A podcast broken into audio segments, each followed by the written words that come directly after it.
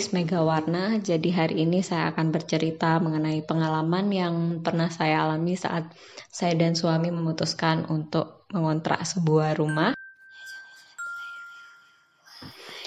yang terjadi di kota Jember. Cuman nama daerahnya nggak bisa saya sebutkan secara detail. Yang jelas inisial daerahnya K. Nah, di daerah tersebut ini dekat dengan pantai dan cukup gersang serta panas hawanya.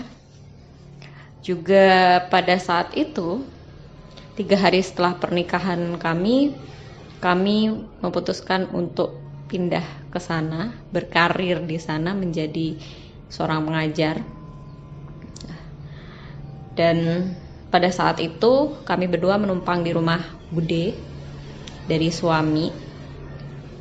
Jadi selama seminggu tinggal di sana, kami juga mencari informasi untuk mengontrak rumah. Dan saat itu ada tiga rumah yang butuh untuk dikontrakkan.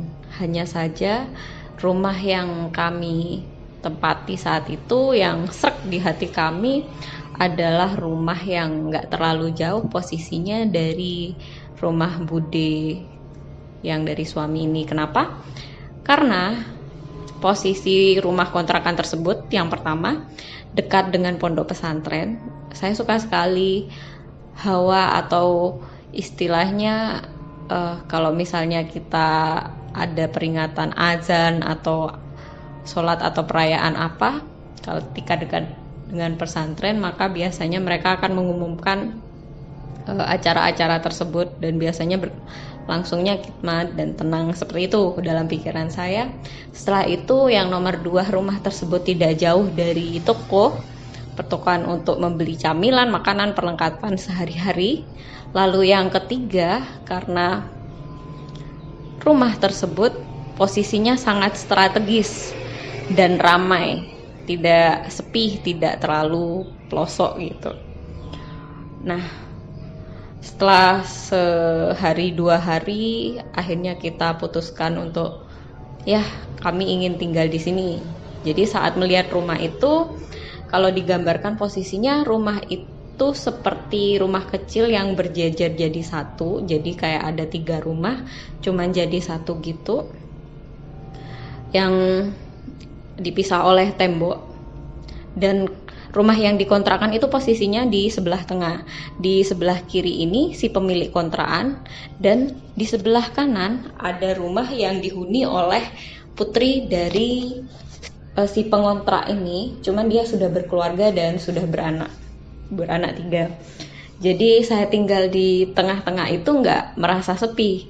Dekat dengan iklim kekeluargaan juga penduduk sana juga sangat ramah. Jadi antara satu dengan yang lain itu saling tahu dekat gitu.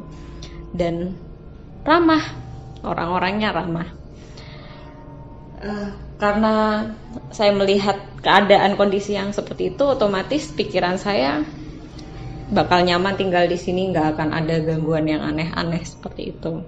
Ya kalau digambarkan bagian de uh, depan rumahnya tadi seperti itu ya. Jadi posisi tiga rumah soal jadi satu jadi satu dan dipisah oleh tembok. Nah rumah yang tengah ini kamarnya ada dua. Kam jadi yang di sebelah misalnya kamarnya yang sebelah kiri. Bagian kanan kamar ini ruang tamunya. Lalu bagian belakang ruang tamu ini ada kamar dua. Di depan kamar dua ini ada ruang tengah nah di situ ada pintu dan nggak jauh dari sana alias kamar mandi terpisah dengan uh, bagian utama. Jadi kamar mandi serta dapur ini bersebelahan yang dipisah oleh pintu belakang. Nah karena bagian kamar mandi dan dapur ini terpisah juga di bagian atas ini ada tangga di mana kita bisa menjemur pakaian di sana. Hanya saja pada saat itu posisi si pemilik anak pemilik rumah ini sedang menggeluti usaha laundry pada saat itu. Jadi kami memutuskan untuk menjemur pakaiannya di bagian bawah saja, di depan, di bagian depan dapur. Nah, kebetulan lahan di depan dapur itu juga kosong. Pada dasarnya kayak istilahnya cuma ditumbuhin tanaman kecil seperti cabai-cabai gitu atau tumbuhan apa. Jadi jadi kecil gitu tempatnya, nggak luas. Cuman kalau malam sih kelihatan horor karena nggak ada lampunya jadi peteng. Se saya pikir hal seperti itu nggak terlalu menakutkan juga sih. Nah pada saat itu setelah kami berbincang-bincang dan ditanya saya pemilik gimana rumahnya? gitu. Terus saya bilang enak sih hawanya gitu. Saya nggak berpikir macam-macam karena selain rumahnya ini bersih temboknya juga baru diperbaharui catnya oleh si pemilik kontrakan serta keadaan rumah ini benar-benar nyaman. Artinya tuh hawanya nggak ada yang pengap nggak ada kesan yang uh, sudut-sudut suram tuh nggak ada. Semuanya serba nyaman. Akhirnya kami uh, memutuskan untuk ya udah kita kontrak di sini aja nah oleh si pemilik kontrakan kami diberitahu bahwa syarat untuk tinggal di sebuah rumah katanya nih ya harus uh, tinggal semalam dulu, harus berani tidur semalam dulu di sana. Baiklah, malamnya setelah habis isya kami membawa keperluan tidur dan beberapa perlengkapan yang bisa kami bawa untuk tidur di sana. Setelah itu uh, sekitar jam delapanan selesai ngobrol-ngobrol sebentar mengenai rumah dan lain-lain kami putuskan untuk mulai tidur karena keesokan harinya kami harus kerja pada saat itu kami memilih untuk tidur di ruang dua di kamar dua. Nah di kamar dua ini waktu kami tidur di sana ada keadaan yang aneh yaitu kami mendengar suara nyamuk seperti nguing nguing nguing nguing. Tapi sepertinya nyamuk-nyamuk itu tidak menggigit kami justru seperti rasanya itu seperti dijawil. Dan itu berlangsung sekitar ada 10 sampai 15 menit waktu saya tanyakan pada suami rasa nggak sih kamu yang seperti itu? Terus dia bilang Iya tapi nggak gigit. Aneh banget kan ada nyamuk nguing nguing nguing. Rasanya tuh banyak banget tapi nggak gigit. Rasanya malah seperti dijail dan bisa seperti dijawil gitu loh. Kayak apa sih? Dicubit tapi nggak keras gitu loh.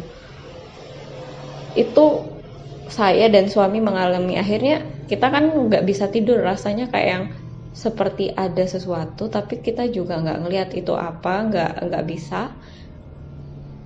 Padahal lampunya ya terang gitu. Kita berusaha tidur dengan lampu pada saat itu karena kita nggak tahu kan. Memang kita merasa aman tapi rasanya masih ini rumah baru kita belum tahu gitu loh. Jadi kita tidur dengan lampu yang menyala. Nah karena gangguan dari nyamuk-nyamuk tadi ini rasanya kok aneh akhirnya kita memutuskan untuk pindah meskipun kita nggak berpikir itu gangguan dari makhluk gaib yang jahat atau apa itu nggak arah nggak ke arah sana tapi lebih ke nyamuk. Hanya saja kayak nggak kelihatan ini nyamuk model apa gitu padahal rame. Terus akhirnya setelah pindah ke kamar pertama kami bisa tidur dengan nyenyak. Pagi itu kami bangun dengan segar seperti biasa kayak mau melakukan aktivitas biasanya dan siang harinya kami menandatangani uh, kesepakatan kontrak rumah. Setelah itu setelah itu sorenya kami mulai membawa barang-barang yang ada yang kami bawa atau titipkan di rumah Bude. Lalu kita bawa ke sana semua. Dan mulailah kita tidur di rumah itu. Sebenarnya setelah seminggu dua minggu tiga minggu satu bulan dua bulan nggak ada kejadian yang membuat kami ini merasa rumah ini menyeramkan atau apa. Kita baik-baik saja selama itu. Hanya mungkin sekitar bulan ketiga kalau nggak bulan dua terakhir atau awal bulan ketiga ada suatu hal yang nggak bisa saya lupakan. Di mana pada saat itu malam hari. Setelah uh, hari itu kita ngajar dengan apa ya kondisi yang murid-muridnya ini ya seperti di seperti bisa dikatakan nakal. Jadi kami kecapean sekali hari itu dan memutuskan untuk tidur lebih awal. Nah, jadi jam setengah sembilan itu kita mulai tidur cuman masih belum benar-benar bisa nyenyak lalu kita bangun sebentar akhirnya ngobrol bentar lagi. Terus kita tidur di jam setengah sepuluh. Di jam setengah sepuluh semua lampu dimatikan. Selamanya nggak ada yang aneh semuanya berjalan dengan baik seperti kita tidur tiap hari. Hingga kemudian saya mendengar suara orang-orang berlari dari kamar mandi ke arah dapur hingga ke tempat jemuran pakaian. Ya, saya pikir karena tetangga bagian kanan ini memiliki anak dan anak anak mereka ini ada tiga orang yang satu cowok. Ya emang nakal banget. Tapi nggak pernah ganggu uh, ganggu saya sebagai tetangga itu nggak mungkin jahil. Iya tapi nggak yang terang-terangan gitu terus ada anak kedua cewek. Terus yang terakhir nih masih baru masih bayi pada saat itu. Nah suara langkah lari itu awalnya kan ke arah jemuran. Itu satu kali. Yang aneh suara itu kembali ke tempat asalnya jadi di depan kamar mandi. Lalu suara itu, lari itu kembali lagi ke jemuran dan selanjutnya kembali lagi ke arah kamar mandi. Nah mulai di situ saya ngerasa kayaknya ada yang nggak beres ini. Ngapain juga anak kecil tetangga sebelah lari-lari di malam hari tuh buat apa?